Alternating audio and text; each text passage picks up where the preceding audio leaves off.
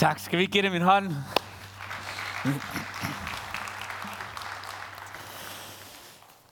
Vi øh, har været igennem en masse, masse, masse emner igennem tidernes løb.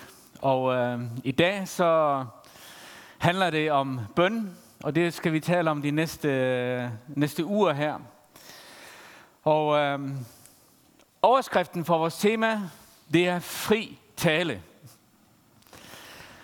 Og øh, min overskrift for dagen i dag, den hedder, gør det nogen forskel? Hjælper det at bede? Og det er et rigtig godt spørgsmål. Øhm, en af de der spørgsmål, jeg har stillet mig selv, det er, hvordan går det egentlig med min relation med min himmelske far? Får vi talt sammen? Og hvis du ligesom skulle øh, kigge lidt på dit eget liv, og så stille dig selv det her spørgsmål. Hvordan går det egentlig med din relation med din himmelske far? Får I snakke sammen? Får I hilse på hinanden? Hvordan går det egentlig? Og øh, vi kunne også tage et emne om, som hedder, hvor meget skal jeg egentlig tale med ham? Hvor meget skal han fylde i mit liv? Øh, er bøn kun det, jeg siger til Gud? Eller kunne bøn være noget, som Gud siger til mig? Og det er nogle af de ting, som går igennem mit hoved, når jeg tænker på det her med bøn. Det, som øh, jeg gerne vil bruge min tid på i dag, det er at kigge lidt på, hvordan den første menighed praktiserede bønnen. Og øh, se lidt på, hvordan at, øh, nogle af de første kristne, de, øh, de gjorde det. Øh, der er mange spørgsmål, som man møder, når man læser omkring bøn. Blandt andet så, så møder vi en person, som kæmper for jer i sine bønder. Hvad vil det sige at kæmpe for jer i sine bønder, i, i bøn? Og øh, jeg har vokset op med et begreb, som vi øh, lærte som unge og teenager. Det var at bede igennem. Hvad betyder det egentlig at bede igennem? Ikke? Og det er, så det kan godt være, at jeg efterlader dig i dag med en masse spørgsmål, som du kan gå hjem og øh, grænske lidt over. Men jeg håber i hvert fald, at nogle af svarene bliver givet i dag. Da jeg var teenager, før at øh, der var nogen, som hjalp mig ind i en relation med Gud. Jeg voksede op i et hjem, som... Øh, det var ikke et hjem, hvor vi bad sammen. Vi bad fader vor en gang imellem, hvis vi havde dårlig samvittighed. Og øh, men jeg kan huske som teenager, det med at bede, og det med en gang imellem, ligesom da jeg skulle i seng om aftenen, og mørket det kom ind i rummet, så kom den der lille frygt frem, og så fik man behov for at bede. Og øh, er det bøn? Jeg tror, det er en slags bøn. Og måske opstarten eller begyndelsen til, øh, til bønnen. Men det store spørgsmål er, hjælper det? Gør det nogen forskel? For, nu kan jeg knap nok huske det, om det er et år eller halvanden siden, så var der en øh, kvinde, som øh, tog kontakt til mig. Hun hedder Astrid. Og øh, Astrid, hun, øh, hun havde cancer, og var fuldstændig opæt af cancer i hele sin krop. Hun øh, vidste, at hun skulle dø. Og på et tidspunkt, så i sin fortvivlelse, så stiller hun sig ud på en mark. Jeg har delt den her historie tidligere. Hun, øh, hun stiller sig på en mark, og så står hun bare og råber ud i intetheden. Og råber bare, er der nogen? Findes der nogen hjælp?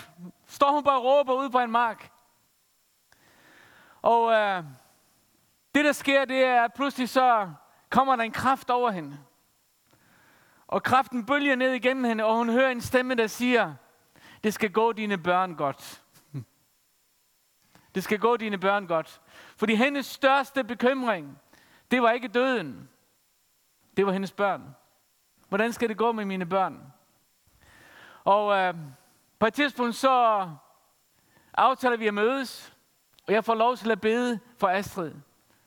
Og får lov til at bede for, at Gud må møde hende. Og hun øh, inviterer Jesus ind i sit liv. Og får lov til at opleve en begyndelse på noget nyt. Og så beder vi sammen. Og så beder jeg den her bøn. Tak Helligånden, at du kommer over Astrid nu.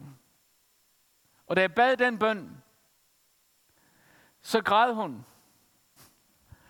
Og bagefter så fortæller hun, da du bad Helligånd komme over mig, så genkendte jeg kraften fra marken. så vidste jeg, det var den samme person. det var den samme kraft. Det hjalp for Astrid at råbe ud til Gud. Det var ikke en form, form øh, eller en formel, velformuleret bøn. Det var bare et hjertes råb, et hjertes suk, hvor hun bare skreg ud og råbte, findes der nogen hjælp? Jakob han bruger sådan et udtryk her, som måske er virkelig provokerende for nogen. Det har det i hvert fald gjort på mig. Der står sådan her i uh, Jakob 4.3, at uh, I beder og får alligevel intet, fordi I beder dårligt. Kun for et østlige bort i jeres egne lyster. Jeg ved ikke, om det er skriftet, det appellerer til bøn. Jeg husker en gang, da vi skulle øh, studere lidt i Jakobsbrevet, så sagde jeg, at vi skal studere i det der brev ved ham den sur. Øh, jeg synes, han var lidt kontant en gang imellem. Men når man så graver i brevet og finder ud af, at der faktisk ligger en masse rigdom i det, som Jakob han siger. Hvad er det, Jakob han taler om her? Han taler ikke om formuleringer. Han taler ikke om måder at gøre tingene på. Men han taler om motivet bagved bønden. Og øh, fordi når vi taler om bøn, så ved jeg, at der er mange, som oplever til tider at blive ramt af dårlig samvittighed. Bliver ramt af følelsen af skam. Hvordan kan jeg tillade mig at bede? Og øh, det kan være mange ting, som vi føler, kan være blokeringer, og ligesom tager vores berettigelse til at bede. Men det er Gud, han gør. Gud ser ikke på, hvad du føler ind i dig. Gud ser på dit hjerte. Og det kan godt være, at du er i en situation, hvor du oplever den her følelse af skam, anklage, og følelse af øh, ikke gøre det godt nok, og ikke du til det, og burde bedre, blive bedre osv. Der er mange spørgsmål, der kan dukke op igen, når man ligesom skal nærme sig Gud. Gud siger, glem alt det der. Der er én ting, jeg ser på. Der er én ting, der fylder i mit liv. Det er, hvor er dit hjerte? Det er hjerterelationen, som Gud ser på. Bibelen på hverdagsdansk bruger øh, en anden måde at formulere det på. Og selvom I beder, siger Jakob, får I alligevel ikke noget, fordi I beder med forkerte motiver. Kan I høre? Det er en anden måde at sige det på. Og det er ligesom ændrer billedet. I er jo kun ude på at få jeres egne ønsker opfyldt. Så det, som Jakob taler om som en dårlig bøn, det er den bøn, som har grådighed og kun sine egne behov og kun sine egne lyster som motiv for at bede. Men når, når vi er kaldt ind i det her bønnefællesskab med Gud, så handler det om at komme ind i den rette relation med ham og med det rette motiv. Og ved du hvad, uanset hvem du er, hvor du kommer fra, hvilken baggrund du har, hvilken opvækst du har, hvilken måde du beder på, hvilken måde du formulerer dig selv på. Alle de der ting der spiller ingen rolle. Spørgsmålet er, hvor er dit hjerte i forhold til Gud? Og det er det, det handler om. Jesus, han var en bøndens mand. Og øh, hvis vi skal se lidt på det, hvordan bad Jesus egentlig? Så står der sådan her i øh, Hebræerbrevet kapitel 5 og vers 7, at mens han levede på jorden, opsendte han under høje råb. Det vil sige, han holdt sig ikke tilbage. Der står under høje råb og tårer, bønder og anråbelser til ham, som kunne frelse ham fra døden. Og han blev bønhørt, ikke for sine bønder, men for sin gudsfrygt. Er det ikke interessant? Han blev bønhørt for sin gudsfrygt. Det vil sige, hjertet i Jesus og hjerte, hjerterelationen med sin far i himlen, var det, der udløste bøndesvaret i Jesu liv. Der er en, der skrev sådan her, at Jesus han var bøndens mester. Jesus var en bøndens mester. Han stod tidligt op, og mange gange måtte han gå afsides for at, være, for at bede, for at der skulle være tid til stillhed. Og han bad i Gethsemanenes have, så han blødte. Han bad, til sin, han bad for sine disciple, han bad for andre, og hans far hørte ham og gav ham bøndesvar på stribe for, sin, for til sidst at oprejse ham fra de døde. Jesus, som var Gud selv, kom som menneske på jorden. Han havde behov for at søge sin far i himlen. Og jeg tror på, at vi har brug for nogle gange at minde os selv om, at komme tilbage til den der relation. Det der personlige fællesskab med vores far i himlen. Og det er at bede og søge ham. Hvis vi ser på de første kristne, så havde de også bønnen i fokus. Uh, når vi læser i Bibelen, så var bønnen en naturlig del af de kristens liv. Vi læser Peter, der beder. Paulus, der bøjer sine knæ i bønnen. Og uh, som jeg også nævnte før, andre disciple, som kæmpede i bønnen. Vi citerede her for et stykke tid tilbage, at, at mens Peter han var i fangenskab, så står der, at menigheden bad utrætteligt for ham.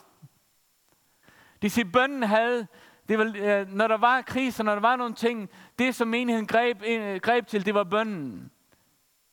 Det var ikke at forsvare sig selv på nogen måde, men det var bønnen, det at bede og råbe til Gud. For det var den kontakt, det var den relation, som de vidste, at det er der, vi får vores svar. Der var en fyr i øh, Bibelen, som hedder Ananias. Ananias, han var en, en mand, som levede med Gud. Og det, der er interessant, når jeg læser om Ananias, det var, at han var tilgængelig for Gud. Og uh, Ananias var en mand, som jeg tror på, at han var i bøn på det her tidspunkt, hvor Gud kommer til ham og deler sit hjerte, at der er en mand, der hedder Paulus, som jeg ønsker, du skal gå til. Og der står sådan her i Apostlenes Gerninger, kapitel 9, vers 11 og 12. Herren sagde til ham, rejs dig, gå hen til den lige gade og spørg i Judas hus efter Saulus fra Tarsus, for han beder. Og han har i et syn set en mand, der hedder Ananias, komme ind og lægge hænderne på ham, så han igen kunne se.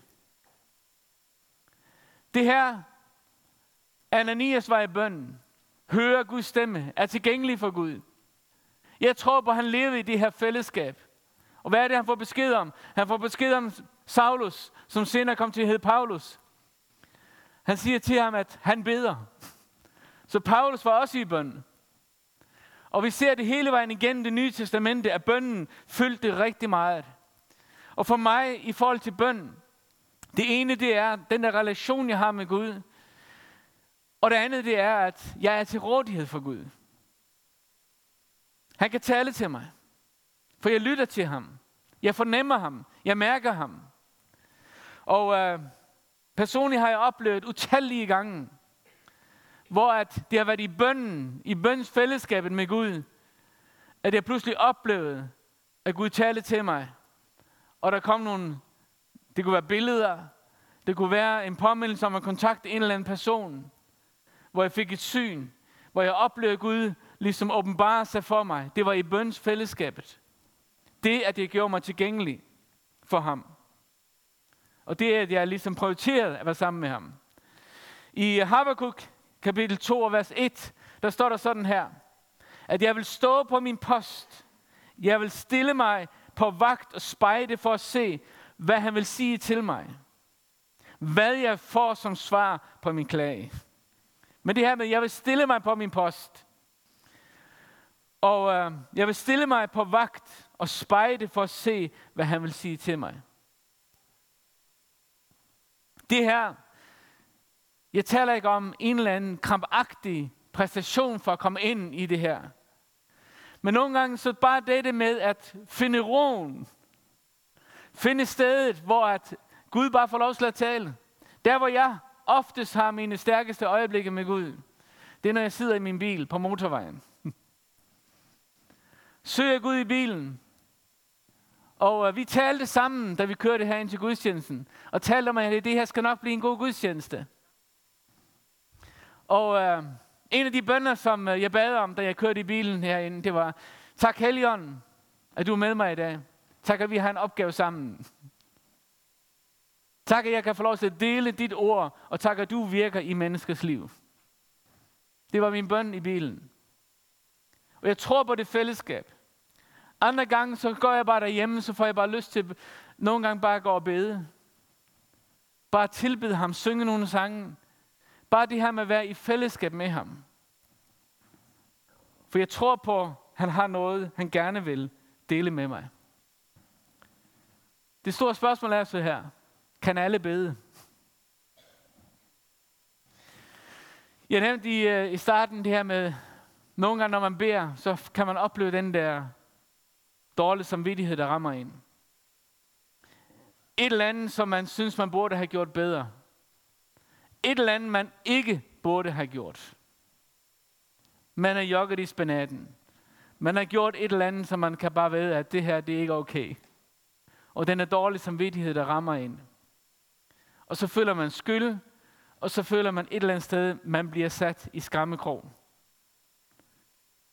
Fy skamme dig. Ja. Prøv at læse sammen med mig i Hebræerbrevet kapitel 4. Der står sådan her, vers 14-16. Da vi nu har en stor ypperste præst, det vil sige, det er Jesus, der tales om her, som er steget op gennem himlene, Jesus Guds søn, så lad os holde fast ved den bekendelse. Det er at bekende vores relation til ham, bekende vores tro på ham, bekende vores tilhørsforhold til ham. For vi har ikke en ypperste præst, der ikke kan have medfølelse med vores skrøbeligheder. Men en, der er blevet fristet i alle ting, ligesom vi, dog uden synd. Og så kommer sætningen her. Lad os altså med frimodighed træde frem for nådens trone, for at vi kan få varmhjertighed og finde noget til hjælp i rette tid. Lad os med frimodighed. Og det vil sige, det kan godt være, at du føler anklage. Det kan godt være, at der er nogle ting, man har gjort forkert osv. Men Jesus siger, I'm been there. Jeg har mærket følelsen. Jeg har kendt til fristelsen. Jeg har kendt til alle de ting der. Jeg kender dig. Jeg ved, hvad du kæmper med. Kom nu med frimodighed. Træd frem fra min trone. Kom ind i fællesskabet med mig. Kom igen. Glem alle de der dårlige følelser. Er der ting, du skal be, bekende over for Gud, så gør det. Er der ting, man har bare brug for at sige, Gud tilgive mig, så gør det. Gud stiller ikke i skammekrog. Han åbner sit hjerte, og så siger han, kom. Kom ind i mit fællesskab. Kom ind i mit nærvær. Kom ind og vær sammen med mig. Og jeg vil det bedste for dig. Alle kan bede.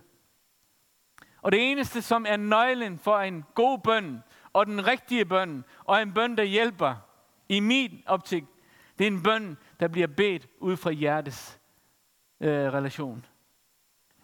Hvor jeg er i mit liv. Jeg kan bede i stillhed. Jeg kan bede i med mit, mit desperate hjerte ud. Vi læser i Bibelen om en kvinde, som lå inde i templet og øh, vondede sig i smerte og var i bønden, hvor at, øh, at øh, præsten i huset så siger jeg, beder han om at, at gå hjem, fordi at hun, øh, han troede, hun var fordrukken. Hun troede, han troede, at hun var plørfuld. Hun var bare desperat og bare lå ind for Guds ansigt, og Gud hørte hendes bøn. Du kan bøje dine knæ, hvis det er den måde, du synes. Du kan løfte dine hænder. Du kan lægge dig ned. Det handler om dit hjerte. Det, som du bliver tildrømt. Det eneste, der ikke står i Bibelen, det er at folde sine hænder. Det står ingen steder i Bibelen, men det er fint, hvis du gør det. Det er en god måde, man skal koncentrere sig på. Det eneste, der gør, men det som Bibelen taler om, når du folder dine hænder, det gør den dogne og slattende. Er det ikke rigtigt? Det er fuldstændig rigtigt. Så tænk på det, når du folder dine hænder. Det er den dogne og den slattende. Det er det eneste, der står om at folde hænder i Bibelen. Og øh, nu ødelagde jeg altså den.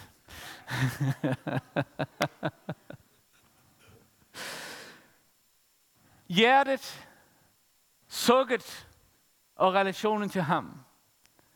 Det er det, det handler om. Det er det, det handler om. Jeg synes, vi skal øh, tage et lille øjeblik, hvor vi bare prøver bare at mærke efter i dit eget hjerte. Er der ting, du har brug for at sige til Gud? Er der ting, du har brug for at snakke med ham om? Prøv at glemme din dårlige samvittighed. Prøv at forestille dig en ægte far, der sidder foran dig, og du har bare lyst til at være sammen med ham. Bare tale med ham. Dele dit hjerte med ham.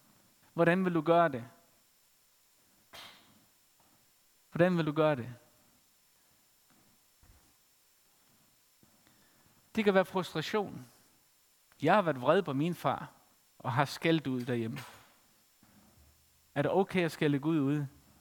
Helt fint. Helt fint.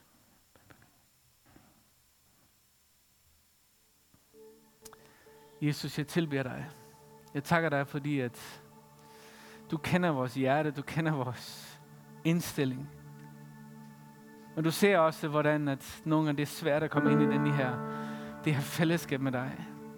Fordi der er så meget i os, der skaber forestillinger om, hvad du kræver for, at vi kan være sammen med dig. Men jeg takker dig Gud, fordi det eneste, du beder om, det er fællesskab. Om det er fem minutter om dagen, om det er 10 minutter om dagen, om det er hele dagen. Uanset hvad vi føler, så takker jeg dig Gud, for vi kan ikke sætte dig ind i bås og ind i en tidsskema. Fordi du bor i vores liv. Du er der hele tiden. Du er med mig, når jeg er derhjemme. Du er med mig, når jeg er i bilen.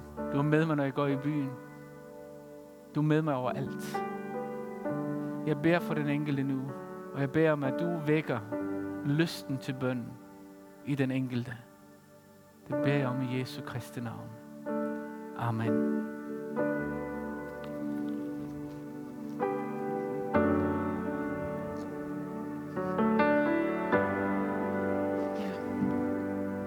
runder gudstjenesten af med en, en lovsang her til sidst.